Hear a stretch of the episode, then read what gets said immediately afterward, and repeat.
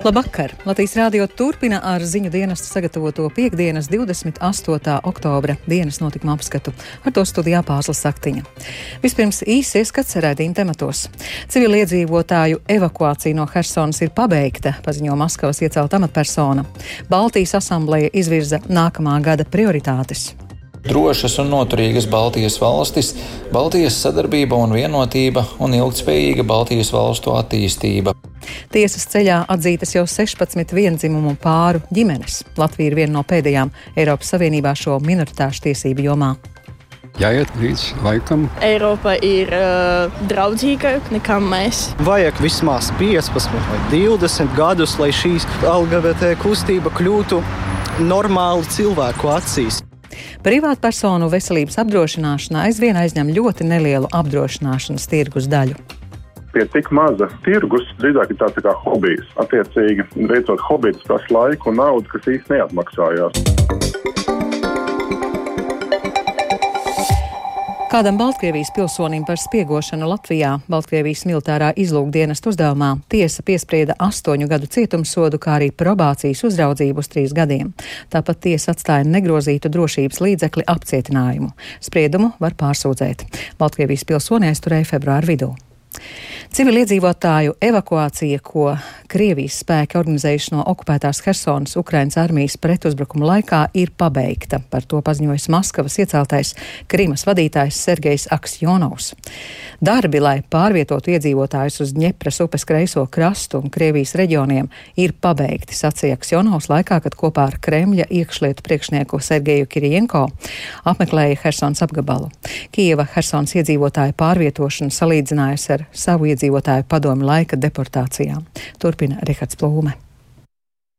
Kijeva tikmēr šodien norādījusi, ka Maskavas tā sauktā evakuācija turpinās. Ukrainas armijas pārstāvji apgalvoja, ka Krievijas pavēlniecība Hersonā cenšas slēpt patiesos karavīru zaudējumus, lai izvairītos no panikas.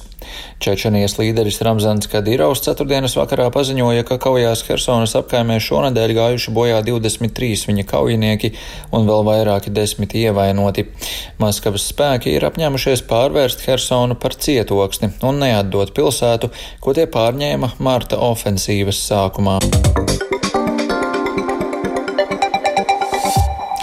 Rīgā šodien norisinājās Baltijas asamblējas 41. sesija, kurā tika spriests par Baltijas sabiedrības gatavību pārvarēt ārējo apdraudējumu radītās problēmas, kā arī par noturīgas, savstarpēji savienotas un rūpīgi saskaņotas energoapgādes sistēmas izveidi Baltijā. Igaunijai nākamgad pārņemot prezidentūru Baltijas asamblējā, darba centrā būs Baltijas valstu drošība un noturība. To norādīja Baltijas asamblējas viceprezidents no Igaunijas Svens Sesters. Our main priority will be safe and resilient all the states. Baltijas reģionam šis ir īpaši izšķirošs laiks, jo Eiropā notiek karš un mums ir jāaizstāv demokrātiskās vērtības. Mūsu prezidentūras moto būs drošība, atbalsts un ilgspējība. Galvenās prioritātes būs drošas un noturīgas Baltijas valstis, Baltijas sadarbība un vienotība un ilgspējīga Baltijas valstu attīstība. Startautiskā sadarbība arī turpmāk būs ļoti svarīga reģiona drošībai. Mēs atbalstīsim austrumu partnerības valstis, jo īpaši Ukrainu, kurai nepieciešams viss pieejamais atbalsts. Mums arī jādalās ar Baltijas valstu pieredzi un jādod padomi mūsu partneriem, tajā skaitā Eiropas Savienības institūcijās. Turpināsim aktīvi sadarboties izglītībā, kultūrā, aizsardzībā, ekonomikā un citās jomās. Centīsimies atrast risinājumus Baltijas valstu kopīgajām problēmām. Risināsim arī tās problēmas, ko rada Krievijas iebrukums Ukrainā, piemēram, ekonomikas un humāno krīzi un energoapgādes drošības jautājumus. Tā Baltijas asamblējas viceprezidents no Igaunijas Svens Sesters. Latvijas iekšzemes koprodukts šā gada trešajā ceturksnī samazinājies par 0,6% salīdzinot ar attiecīgo laika posmu pērn, liecina centrālās statistikas pārvaldes dati. Pēc provizoriskām aplēsēm IKP ietekmēja kritums ražošanā par nepilniem 4% un pakalpojumu nozaru pieaugums par teju 2%.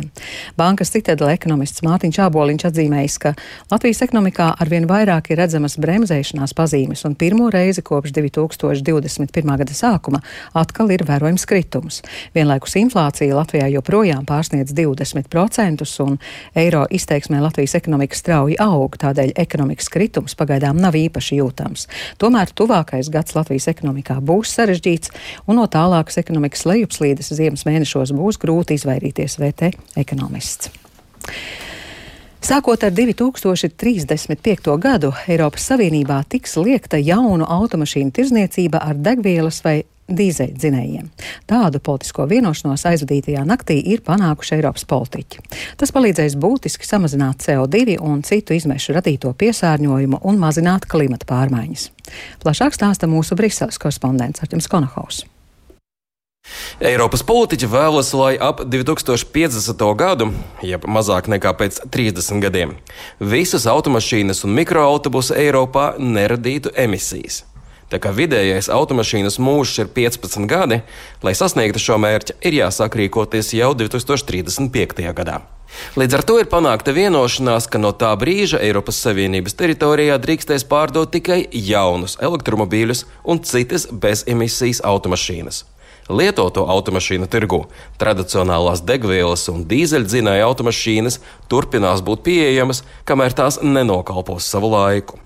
Eiropas parlamentā par šī likuma projekta virzību ir atbildīgs Renew Europe grupas deputāts no Nīderlandes Jans Haitema. 20% of the European emissions, CO2 emissions of the European Union come from road transport. So it's important that we reduce that uh, CO2 emissions. Eiropas Savienībā transports rada 20% no kopējiem CO2 izmešiem. Tādēļ ir svarīgi tos samazināt. Otrakārt, automašīnas rada arī citus izmešus. Ir svarīgi samazināt arī tos. Turklāt mēs esam atkarīgi atkarīgi no naftas importa. Karš Ukrainā parāda, cik spēcīgi esam atkarīgi no Krievijas fosilajiem kurināmajiem. Šis likumprojekts palīdzēs samazināt mūsu atkarību, jo jauno pauģu automašīnas vairs neizmantos degvielu. Kritiķi brīdina, ka strauja pārēja uz elektromobīļiem var radīt citas atkarības proti no valstīm, kur ir pieejami dažādi redzemju metāli, litijas un citas izēvielas, kas nepieciešamas elektromobīļu ražošanai. Tādēļ viņa mudina atļaut izmantot ne tikai elektromobīļus, bet arī automašīnas, kas patērē videi nekaitīgo vietējo biodegvielu. Deputāts Haitema ir pārliecināts, ka šis likumprojekts dos skaidru signālu automobīļu industrijai, ka pārēj uz jaunām tehnoloģijām tiešām notiks. Tādēļ ražotājiem vajadzētu nekavējoties sākt ieguldīt resursus ar vien jaunu bezemisijas automobīļu modeļu ražošanā. Turklāt runa ir arī par mikroautobusiem. So Jau tagad kopējās izmaksas nulles izmešu automašīnu izmantošanai, piemēram, elektromobīļu, ir zemākas nekā automašīnām ar benzīna dzinēju. Tomēr galvenais šķērslis daudziem iedzīvotājiem ir šādas automašīnas iegādes cena. Tādēļ ar šo likumprojektu mēs mēģinām panākt, lai cenas būtu zemākas, jo mēs stimulējam inovācijas. Tāpēc mēs vēlamies pēc iespējas ātrāk radīt lietoto nulles izmešu automašīnu tirgu, lai, piemēram, elektromobīļa iegāde būtu pieejama ikvienam. Arī Eiropas patērētāju organizācijas BEOTS vadītāja Monika Gojēna apgalvo, ka lietotu elektromobīlu pirkt ir izdevīgāk, jo šādu braucama rīku vērtība samazinās lēnāk. Panākto vienošanos tuvākajā laikā ir oficiāli jāapstiprina Eiropas parlamentam un Eiropas Savienības padomēji. Arčuns Konahavs Latvijas Rādio Briselē. Latvija Eiropas Savienībā joprojām ir viena no pēdējām valstīm geju, lesbiešu, biseksuāļu un transpersonu tiesību ziņā, liecina dati. Lai gan 30 gadu laikā šajā jautājumā piedzīvots būtisks progress un tiesa atzinusi vairākas vienzimuma ģimenes, vēl ir virkne problēma, ar ko kopiena saskaras. Kā viņa tiesības Latvijā vērtē galvaspilsētā uzrunātie cilvēki un ar kādām problēmām kopiena saskaras, vairāk Viktora Demīdova ierakstā. Šogad paiet 30 gadi kopš Latvijā homoseksualitāte vairs nav krimināli sodāma. Jau daudzus gadus LGBT kopiena, kurā ir pārstāvēti geji, lesbietes, biseksuāļi un transpersonas, rīko dažādas akcijas un cenšas pierādīt ne tikai sabiedrībai, bet arī politiķiem, ka ir neatņemama sabiedrības sastāvdaļa, kurai ir jābūt līdzvērtīgām tiesībām. Lūk, kā Latvijas radio galvaspilsētā uzrunātie cilvēki vērtē LGBT tiesību sistēmu. Likums saimā, kas netika pieņems es ceru, pieņems, tad iespējams tas ir kaut kādā mērā arī pavērs ceļu arī šai kopienai. Tālāk Latvija šai ziņā pievienosies brīvajām rietumu demokrātijām. Более достаточно, чем в России, поэтому я как гражданин России. LGBT tiesību sistēma ir pietiekošāka nekā tā ir Krievijā. Es kā Krievijas pilsone varu teikt, ka viss ir lieliski, viss ir kā vajadzīgs. Все как нужно. Sistēma joprojām nav pilnvērtīga, joprojām viens no partneriem nevar pieņemt medicīnisko lēmumu slimnīcā. Man viņi nav parasti, un es neizdabāšu tam, lai viņu kļūtu vairāk. Tā kā es esmu pret. Tagad viņi nekādā ziņā nav zaudētāji. Saimai ir daudz jāstrādā, lai visiem būtu vienīgas tiesības. Tā. Lai citi cilvēki, lai viņi zinātu, tas ir pilnīgi normāli, ka vīrietis mīl vīrieti vai sieviete mīl sevi. Kā Latvija LGBT tiesību ziņā izskatās uz uh, citu valstu fona? Jāiet līdz laikam, es domāju, ka viss tālāk nokārtosies. Citās valstis Eiropa ir uh, draudzīgāka nekā mēs. Здесь, наверное, более консервативный подход до сих пор по сравнению там. Jautājumam šeit pieeja joprojām ir konservatīvāka nekā tas ir Rietumē Eiropā. Tas, manuprāt, ir saistīts tai skaitā ar krievalodīgajiem iedzīvotājiem, bet kopumā perspektīvas ir. Перспективы есть. Vajag, nu, vismaz 15 vai 20 gadus, lai šī LGBT kustība kļūtu normāli cilvēku acīs. Jo es, varbūt mani kolēģi, draugi domā līdzīgi, bet vecāki cilvēki, tiem vēl vajadzīgs laiks. Придерживается именно европейских законов. Latvija pieturas pie Eiropas likumiem, bet mēs atpaliekam, tāpēc, ka mēs pēc Padomju Savienības esam pavisam jauniņi. Bet nekas, sasniegsim un nodzīvosim līdz labākiem laikiem. До лучших времен. Viena no vēlākajām LGBT kopienas prasībām ir pieņemt civilās savienības likumu, kas paredz ikvienam cilvēkam iespēju noslēgt civilo savienību ar citu cilvēku. Lai gan atsevišķas partijas pret to raugās negatīvi, likumprojekts parlamentā nonāca līdz trešajam lasījumam, bet vienā no pēdējām 13. saimas sēdēm to izņēma no darba kārtības. LGBT un viņu draugu apvienības mozaīka valdes loceklis Kaspars Zālītis uzskata, ka tā ir politiska spēle. Saimai jāapzinās to, ka ir satversmes tiesas spriedumi un satversmes tiesas spriedumi likums spēks, un tie tomēr ir jāpilda. Mēs nevaram izvēlēties, kurš spriedums mums patiks labāk un kuru mēs izpildīsim. Tas ir tāds ārkārtīgi drausmīgs signāls visai sabiedrībai kopumā, un arī nu, saimai būtu jābūt tā kā paraugam sabiedrībai, nevis jāiedvesmo nepildīt. Ja saima projektu nevirzīs, iniciatīvu pārņemšot tiesas, kas atzinušas jau 16 vienzimuma pāru ģimenes. Viktors Demidovs, Latvijas radio. Apdrošinātāja interese piedāvāt privātpersonu veselības apdrošināšanu pēdējos gados nav īpaši mainījusies. Šo pakalpojumu piedāvā vien trīs uzņēmumi. Savukārt, vērtējot iedzīvotāju interesi par veselības apdrošināšanu, domas dalās. Ir apdrošināšanas kompānijas, kas individuālās veselības apdrošināšanas ņēmēju skaita izmaiņas nemana, taču ir arī tādi, kas atzīst, ka Covid laikā šādu cilvēku kļuvis vairāk. Apdrošināšanas tirgu ielūkojies Kristaps Feldmanis. Latvijas apdrošinātāju asociācijas novērojumi liecina, ka Covid laikā pakāpeniski pieaugusi interese par privāto veselības apdrošināšanu. Asociācijas vadītājs Jānis Abāšins prognozē, nav izslēdzams, ka uz priekšdienām interesi vēl vairāk varētu kāpināt arī kardarbība un nedrošā situācija reģionā. Iemesls, kādēļ privātās veselības apdrošināšanas ņēmēju skaits nedaudz pieaug, pēc Abāšina domām varētu būt saistīts arī ar kopējām izmaiņām darba tirgū. Pieaug tāds darbinieku segments, kuri savus pakalpojumus sniedz vairākiem darba devējiem. Un tad līdz ar to tie ir neatkarīgie darbinieki, nu, un neatkarīgam darbiniekam pašam par sevi ir jāparūpējās. Nav darba devēja, kas par viņu rūpējās. Abbašins gan skaidro, privātās veselības apdrošināšanas segments vēl aizvien ir ļoti neliels - zem 1% no kopējā veselības apdrošināšanas tirgus. Abbašins paredz veselības apdrošināšanā šogad varētu apgrozīties 130-140 miljonu eiro, un tikai vienu miljonu sastāda privātā piedāvājuma izmantotāji. Šo pakalpojumu piedāvā, piemēram, IFA apdrošināšana. Arī uzņēmuma pārstāve Sanita Ozoliņa neslēpja, privātpersonu apdrošināšanas tirgus patiesi ir neliels, taču interese auga. Šogad varam novērot tendenci, ka privāta persona interesi par veselības apdrošināšanu pieaug un jaunu klientu pieaugums šogad, ja mēs salīdzinām ar to pašu periodu pērn, ir aptuveni 30 līdz 40 procenti. Uzņēmumā pieļauj, ka kāpums saistīts ar vairākiem aspektiem. Pirmkārt, pieaug veselības aprūpes izmaksas, otrkārt, aug darba tirgus kā tāds, tostarp Latvijā ierodoties arī ārvalstu darbiniekiem, un treškārt no klientiem nākoties dzirdēt, ka agrāk apdrošināšana nodrošinājusi darba vieta, bet nu šāds atbalsts atņemts. Arī ergo veselības apdrošināšanas līguma pārvaldes nodaļas vadītāja Inese Anģāne apstiprina, līdzīgi kā konkurentiem, arī ergo veselības apdrošināšanas klientu lokā privātpersonas nesastāda pat procentu.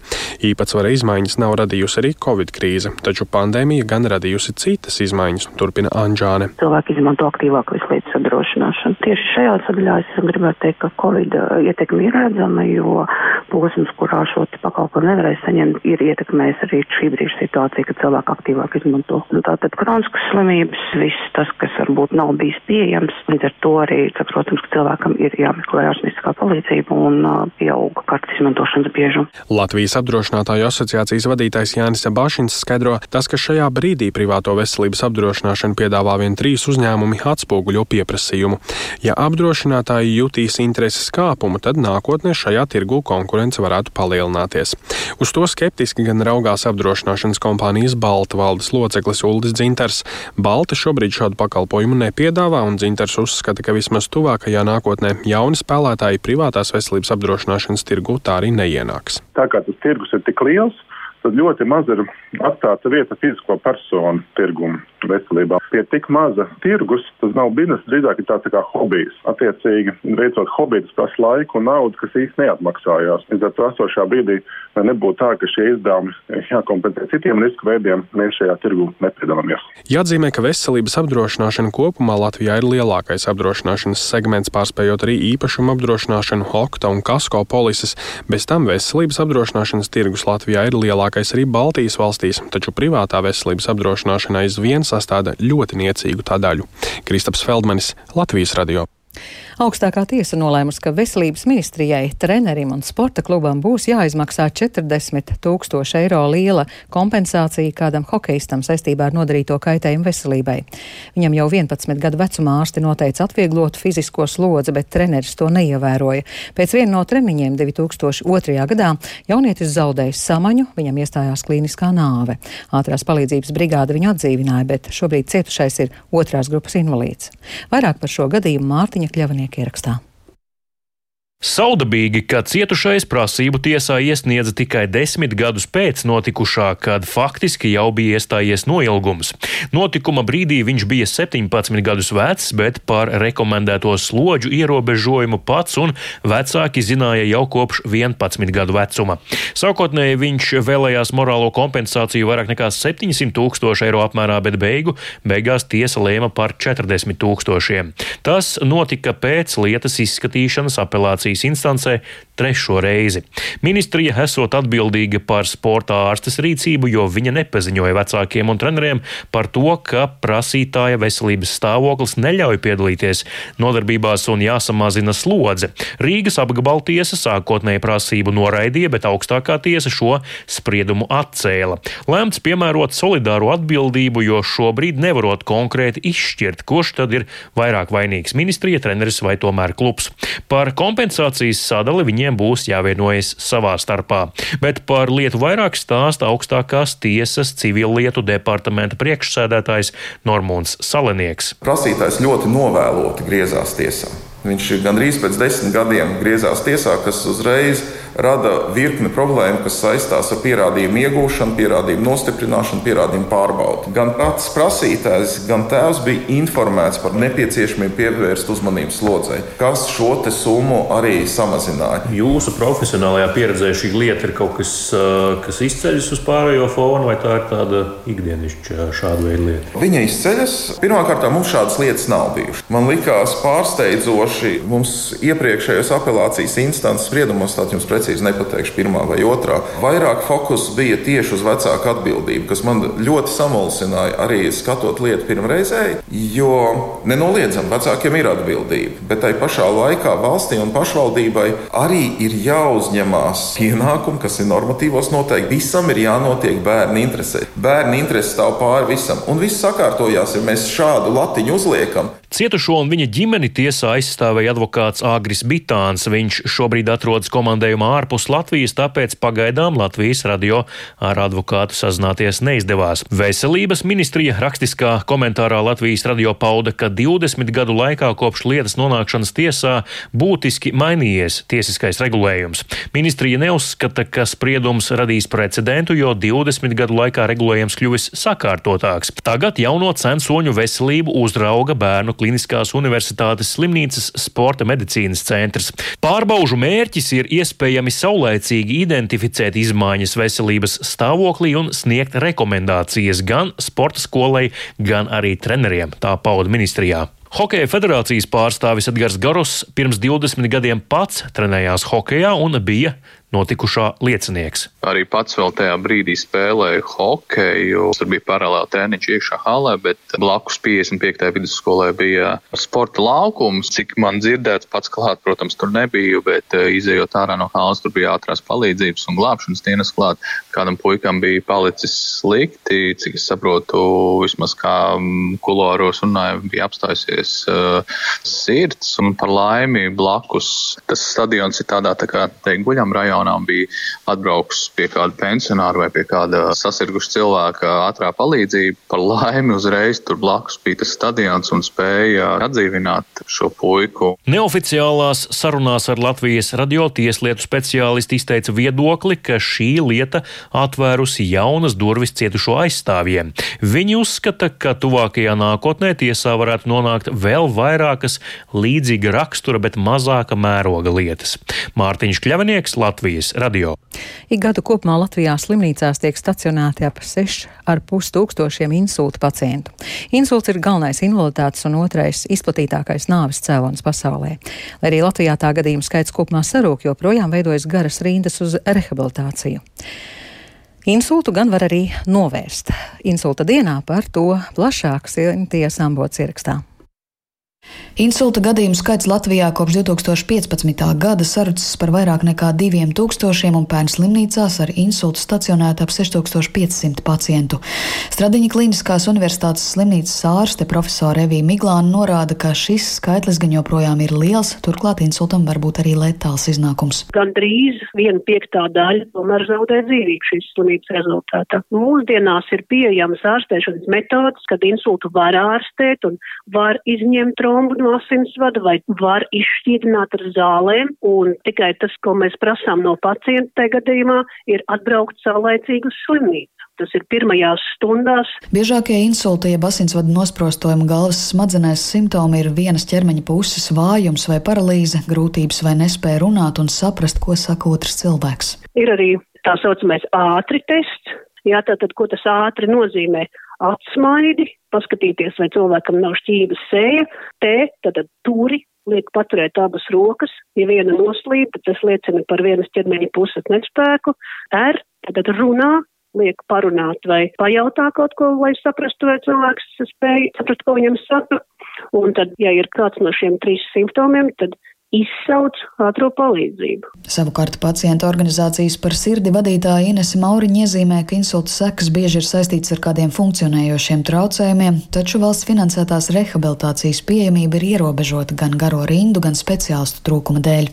Un jāgaida dažkārt ir 3 pat 4 mēneši. Ir arī šādi pakalpojumi, ko sniedz iestāde par maksu, bet arī tur ļoti bieži ir tomēr jāgaida. Un ko mēs redzam, ka tā ārstēšana ir nu, visvairāk tomēr pašu tuvinieku ziņā, un mēs esam arī ievietojuši mūsu mājaslapā praktiskus padomus, kā apkopt pacientu mājās pēc insulta, un ir arī materiāls par speciālu uzturu, kas tiek no valsts kompensēts un ko var saņemt pacienti, kuriem ir pēc insulta problēmas, kas saistīts arī ar rīšanu. Nacionālā rehabilitācijas centra Vaivari fizikālās un rehabilitācijas medicīnas ārste Inga Tanenberga apstiprina, ka insulta pacientu plūsma ik gadu ir liela, bet nodaļā arī fiziski nepietiktu vietu, lai uzņemtu vairāk pacientu. Ir 44 vietas. Vaivari, protams, ir vadošais nacionālais rehabilitācijas centrs.